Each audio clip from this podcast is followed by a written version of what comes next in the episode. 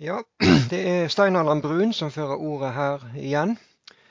I den forrige artikkel- og podkastepisoden min gjorde jeg rede for hvordan første Enoks bok gir opplysende detaljer om opprøret av 200 gudesønner, som i korthet er omtalt i første Mosebok 6, 1-8. Mens menneskenes første opprør skjedde i Eden, eller paradis, er det handlingene til de 200 vokterne som virket som en katalysator for å spre ondskap og fordervelse blant menneskeheten. Disse to syndefallene, som er omtalt i Første Mosebok 3 og 6, er viktige innslag i et teologisk preludium som danner en ramme for resten av Bibelen. Sammen med en tredje hendelse som vi skal ta for oss i det følgende, er disse hendelsene kjernekomponenter i det overnaturlige verdensbildet til den jødiske kulturen som Jesus ble født inn i. Når vi nå skal bla oss litt lengre utover i Det gamle testamentet, vil vi se at himmelske veseners syndefall dessverre ikke stoppet med de 200 som steg ned på fjellet Hermon. Nok en gang henter jeg Mesteparten av stoffet til denne artikkelen fra Michael S. Heisers bok The Unseen Realm Recovering the Supernatural Worldview of the Bible. Denne artikkelen er mitt fritt komponerte sammendrag av side 110 til 124 i boken. La oss begynne med en kort repetisjon av første Mosebok 6,4. Det var kjemper, hebraisk nefilim, på jorden i de dager, og siden også.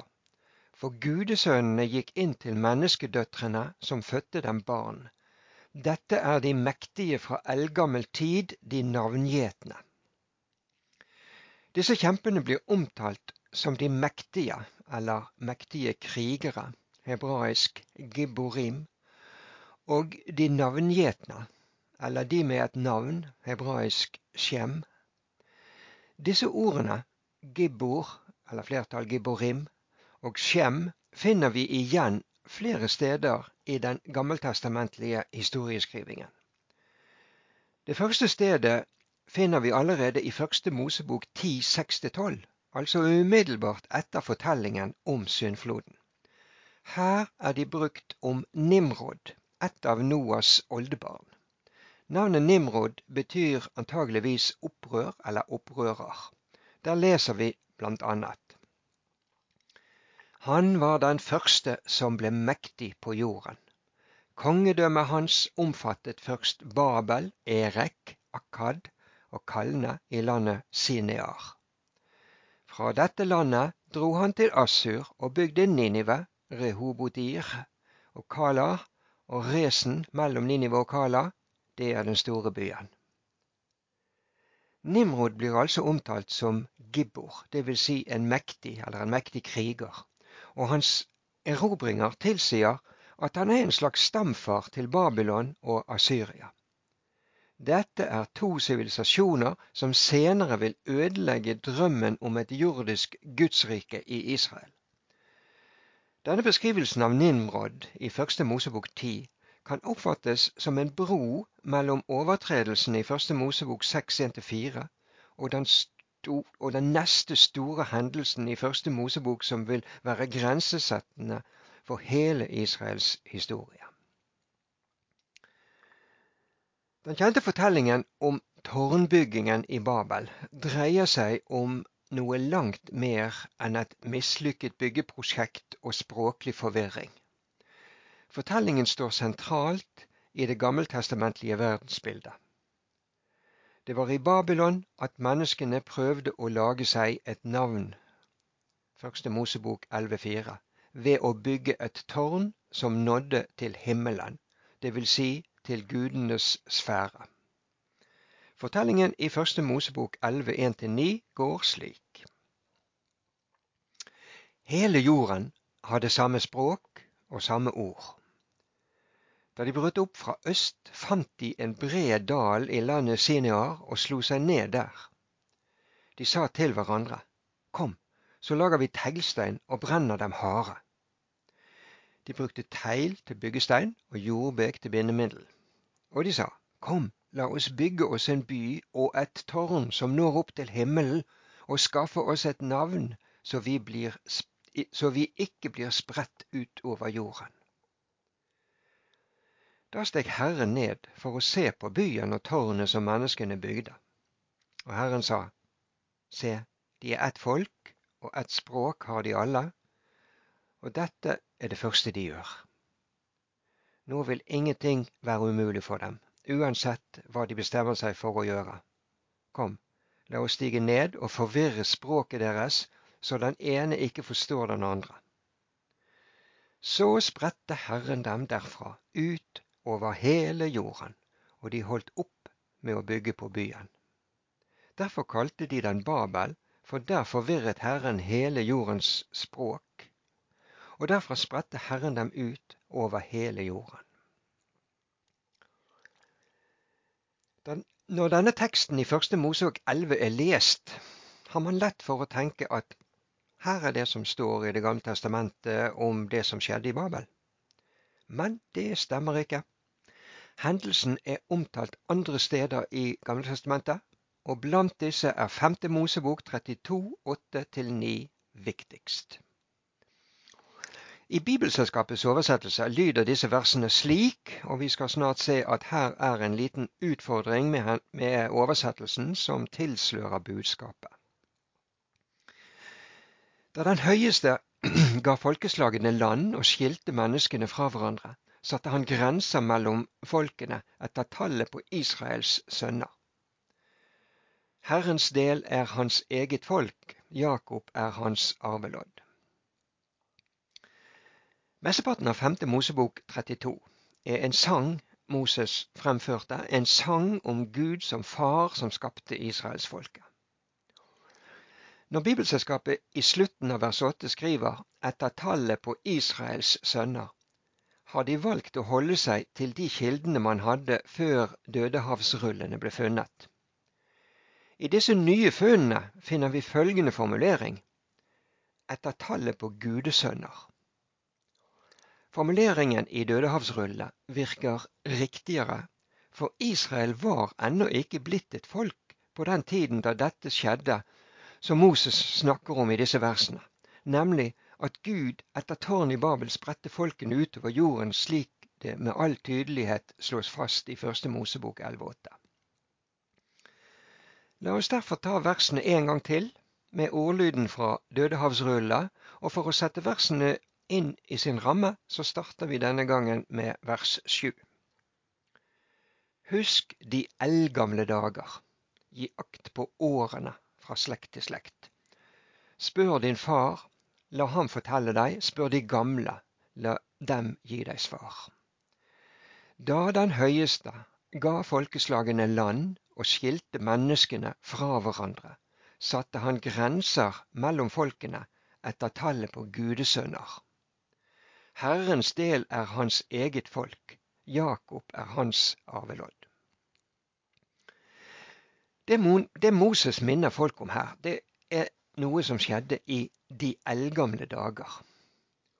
Nasjonene ble satt under administrasjon av gudesønner, hebraisk Beneiha Elohim. Og Som jeg har gjort rede for i en tidligere artikkel, er dette åndsvesener med autoritet til å styre og stelle på Herrens vegne. Denne fortolkningen understøttes av lignende tekst, en lignende tekst i 5. Mosebok 4, 19-20. Og Der står det og når du løfter blikket mot himmelen og ser solen og månen og stjernene, hele himmelens hær, må du heller ikke la deg forføre så du tilber dem og dyrker dem, for disse har Herren din Gud gitt til alle folkene under himmelen. Men dere har Herren tatt og ført ut av smelteovnene, ut av Egypt, for at dere skal være Hans eiendomsfolk, slik dere er i dag. Her trengs kanskje en forklarende merknad.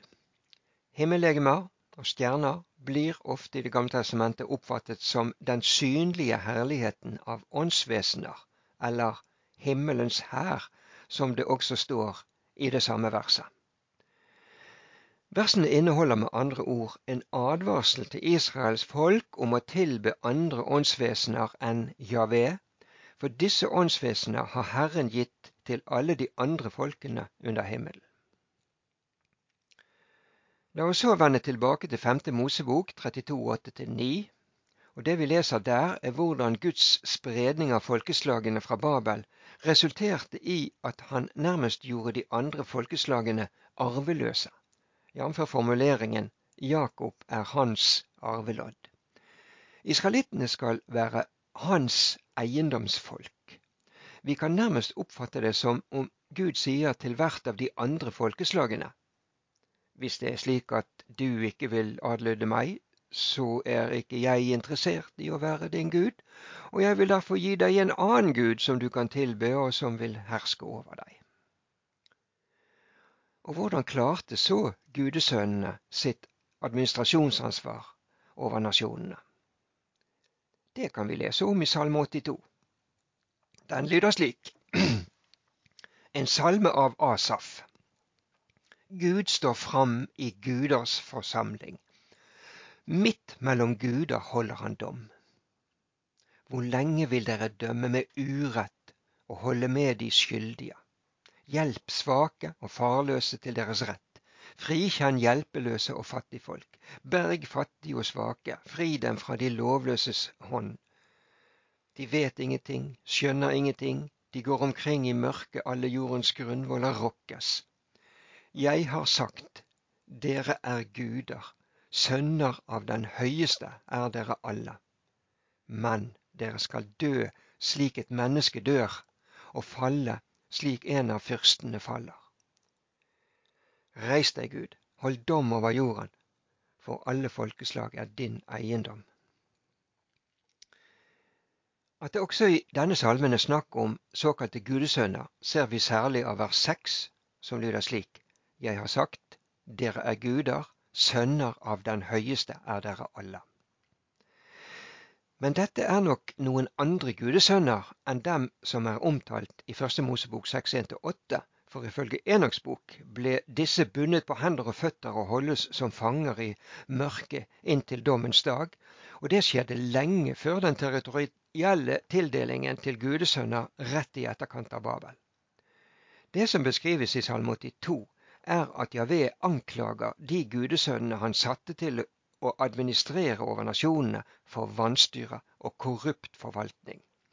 De klarte med andre ord oppgaven sin svært dårlig, så dårlig at det felles dødsdom over disse åndsvesener, som i utgangspunktet var skapt til en udødelig tilværelse. Det vi leser i Første Mosebok 11 om Guds dømmende aksjon i Babel, virker tilsynelatende svært drastisk. Men poenget der er ikke at Gud er en streng bygningsinspektør. Oldtidsforskere er enige om at tårnet i Babel er et menneskeskapt hellig fjell, en såkalt sigurat, også kalt et tempeltårn. Og Her har jeg en lenke i artikkelen til en artikkel i Wikipedia om dette emnet. I den mesopotamiske kulturen bygget man slike strukturer for at de skulle bli boliger for gudene. Hensikten med disse byggeprosjektene var å bringe det guddommelige ned til jorden. Når det i fortellingen om tårnet i Babel står at de ønsket å skaffe seg et navn, går tankene raskt tilbake til første Mosebok 6,4 om kjempene som var navngjetne. Byggingen av tårnet i Babel innebar med andre ord en videreføring av babylonsk religiøs kunnskap, og den innebar å bytte ut Javes herredømme til fordel for Babels guder. I eden får menneskene ved Adam og Eva et omfattende mandat og oppdrag som bl.a. lyder slik Vær fruktbare og bli mange, Fyll jorden og legg den under dere. Første Mosebok 1.28. Etter at de 200 gudesønner har gjort opprør mot Gud og avlet barn med menneskedøtrene, første Mosebok 6.1-8 og første Enoks bok, øker ondskapen voldsomt på jorden, og Gud beslutter å starte på nytt med Noah etter syndfloden. Og Det leser vi om i Første Mosebok kapittel 7 og kapittel 8. I Første Mosebok 9.1 gjentar Gud oppdraget til menneskene, og denne gangen overfor Noah og sønnene hans. Vær fruktbare, bli mange og fyll jorden. Men når vi kommer til Første Mosebok kapittel 11, ser vi at i stedet for å adlyde Javé, samlet folket seg i et stort dalføre i Sinear og begynte å bygge en by og et tårn. Det teologiske budskapet i Første Moseboks 11 er helt tydelig. Menneskeheten hadde vendt ryggen til Javé og hans plan om å gjenskape eden gjennom dem, og derfor ville Gud vende dem ryggen og starte på nytt igjen denne gangen gjennom Abraham, for å opprette en pakt med et folk som under tårnbyggingen i Babel ennå ikke eksisterte, nemlig Israel. Selv om Guds avgjørelse er krass, er ikke nasjonene helt uten håp. Etter å ha frasagt seg ansvar for nasjonene etter tårnbyggingen i Babel, 1. Mosebok 11,8, kaller Javé allerede i neste kapittel, 1. Mosebok 12, Abraham, og av alle steder kalles Abraham ut fra Mesopotamia. Javé tar med andre ord en person ut fra senteret av frafallet for å starte en ny nasjon. Og i sin pakt med Abraham sier Gud at alle jordens folk skal velsignes gjennom Abrahams etterkommere. Første Mosebok 12, 1-3. Israel skulle være i pakt med Han som er Gud over alle guder og Herre over alle herrer. 5. Mosebok 10, 17. Folkeslagene som var gjort arveløse, ville være i et åndelig trelleforhold til de korrupte gudesønnene, men Israel skulle være en kanal, en formidler, eller for å si det med 2. Mosebok 1906 et kongerike av prester. Etter den skjebnesvakre utviklingen i Babel dreier Israels historie seg i all hovedsak om Israel versus de arveløse nasjonene og Javé versus de korrupte, frafalne gudesønnene som var satt til å styre over disse nasjonene. Det at Gud skilte menneskene fra hverandre og ga folkeslagene landområder, underlagt gudesønner, er et vesentlig bakteppe for svært mye av det som videre skjer i bibelhistorien. Dette er den teologiske linsen tidligere tiders israelitter brukte for å se på sin egen nasjon i forhold til alle andre, og sin Elohim, Javé, i forhold til gudene til disse nasjonene. Per definisjon er Javé den høyeste, Elion, som er den tittelen som er brukt i 5. Mosebok 32, 8-9. Det gamle testamentet beskriver derfor en verden hvor det er trukket opp kosmiske linjer i geografien. Israels territorium var hellig grunn fordi dette var Javés arvelodd, for å holde oss til terminologien i 5. Mosebok 32, 9. Territoriet til andre nasjoner tilhørte andre Elohim fordi Javé hadde gitt ordre om det. Så viste Salme 82 oss at disse andre Elohim ble korrupte, uten at Gammeltestamentet forteller oss hvordan dette skjedde. Men det blir gjort helt klart i 5. Mosebok 4, 19-20, 17, 3, 29, 25 og 32, 17 at det ikke var legitimt for en israelitt å dyrke disse Elohim, dvs. Si disse frafalne gudesønnene. La oss nå mot slutten vie Første Mosebok kapittel 10 litt oppmerksomhet. Ved første øyekast kan dette kapitlet se ut som kun en gedigen slektstavle over etterkommerne etter Noah. Men i Bibelselskapets oversettelse har dette eh, kapitlet fått overskriften folkeslagene på jorden. Denne tittelen er ikke uten grunn, selv om vers 1 begynner slik. Dette er slektshistorien til Noas sønner. For i vers 5 leser vi Fra dem har folkeslagene på fjerne kyster bredt seg ut i sine land, hvert med sitt språk, slekt for slekt, folkeslag etter folkeslag. Og Dessuten finner vi disse navnene videre utover i Det gamle testamentet. Ikke som navn på slekter eller stammer, men som navn på territoriale områder. Bibelforskere har kommet fram til at antallet benevnte slektninger etter Noah, og dermed tallet på nasjoner benevnt der, er 70. Dette er tall som dukker opp enkelte steder videre utover i Bibelen. Se for eksempel Lukas 10,1 om Jesu utsendelse av et stort antall disipler, hvor noen manuskripter har 70, mens andre har 72. Forklaringen Forklaringsnøkkelen til de fleste av disse stedene ligger i tallet på nasjoner nevnt i Første Mosebok kapittel 10. Et kapittel som gjerne benevnes som nasjonstabellen.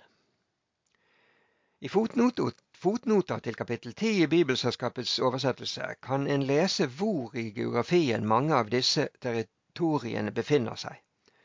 De mest kjente territoriene strekker seg fra den arabiske halvøya nordover i Mesopotamia, inn i nåværende Tyrkia, opp mot Svartehavet og Det kaspiske hav, vestover forbi de greske øyene helt til Spania, langs kysten av Nord-Afrika, Egypt og sørover mot Sudan og inn i Etiopia. Dette var jødenes mentale verdenskart. Det kosmisk-geografiske perspektivet som dras opp i kjølvannet av Babel, kaster lys over mange avsnitt både i Det gamle testamentet og Det nye testamentet. Avslutningsvis kan vi i all korthet nevne noen få av dem. Først ser vi litt på 1. Samuel 26,19. Dette er en av de gangene den unge David måtte flykte fra Saul. Og her sier han til Saul, Hør nå, Herre konge, hva din tjener sier. Er det Herren som har hisset deg opp mot meg, så la ham kjenne duften av offer. Men er det mennesker, skal de være forbannet for Herrens ansikt, for nå jager de meg bort så jeg ikke får bo i Herrens eget land, og sier, Gå din vei og dyrk andre guder. David er med andre ord bekymret over ikke å kunne tilbe Javé slik han skal dersom han ikke kan bli værende på hellig grunn, for landområdene utenfor Israel tilhører andre guder. Så tar vi en liten kikk på Daniel kapittel 10. Der har Daniel et syn av et guddommelig vesen som snakker til ham og sier følgende, og der leser jeg vers 12-14 og 19-20. Så sa han til meg, Vær ikke redd, Daniel, for fra den første dagen du viet ditt hjerte til å vinne innsikt og til å ydmyke deg for din Gud, er ordene dine blitt hørt, og på grunn av ordene dine har jeg kommet. Fyrsten over Perserriket gjorde motstand mot meg i 21 dager. Da kom Mikael, en av de fremste fyrstene, og hjalp meg der jeg hjalp der jeg var holdt tilbake hos perserkongene. Nå har jeg kommet for å få deg til å forstå hva som skal hende folket ditt i de siste dager, for dette er enda et syn som handler om de dagene. Og Da spurte han meg, vet du hvorfor jeg har kommet til deg? Nå må jeg vende tilbake for å føre strid mot fyrsten over Persia. Når jeg drar ut, kommer fyrsten over Javan. Men jeg skal fortelle deg det som er skrevet i Sannhetens bok. Det er ikke en eneste som støtter meg mot dem, unntatt Mikael, som er fyrsten over dere. Bibelforskere er enige om at disse fyrstene, eller i noen oversettelser også kalt prinsene, her i kapittel 10, de er åndsvesener og ikke mennesker. Det er også bred enighet om at dette begrepet har sin bakgrunn i 5. Mosebok 32, 8-9. Så tar vi en liten titt på apostelgjerningene kapittel 17 vers 26-27. Det er når Paulus holder sin tale til atenerne på Areopagos, så sier han annet Av ett menneske har han skapt alle folkeslag. Han lot dem bo over hele jorden, og han satte faste tider for dem og bestemte grensene for deres områder. Dette gjorde han for at de skulle søke Gud om de kanskje kunne lete seg fram og finne ham. Han er jo ikke langt borte fra en eneste av oss. Paulus henspiller åpenbart til den situasjonen nasjonene kom i etter Guds aksjon ved Babel, avspeilet i den verdensanskuelsen vi finner i 5. Mosebok 32,8-9. Og Paulus har i tankene den påfølgende pakten med Abraham når han sier for at de skulle søke Gud om de kanskje kunne lete seg fram og finne ham. Så kan vi ta for oss noen formuleringer som Paulus bruker i første kor 268, Efesane 3.10, Efesane 2.2 og Efesane 6.12. Disse stedene bruker Paulus uttrykk som denne verdens herskere, maktene og åndskreftene i himmelrommet, herskeren i himmelrommet, den ånd som nå er virksom i de ulydige, makter og åndskrefter, verdens herskere i dette mørket, ondskapens ånde her i himmelrommet. Og De greske ordene som ligger bak disse uttrykkene, brukes også i greske sekulære tekster for myndigheter med en tildelt autoritet over et geografisk område. Hos Paulus ser vi igjen det som beskrives i 5. Mosebok 32, 8-9, kombinasjonen av åndelig og territoriell maktutøvelse. Og disse kosmiske åndskreftene er de som ble avkledd og stilt fram til spott og spe ved Kristi død og oppstandelse, slik det står skrevet i Kolossene 2,15.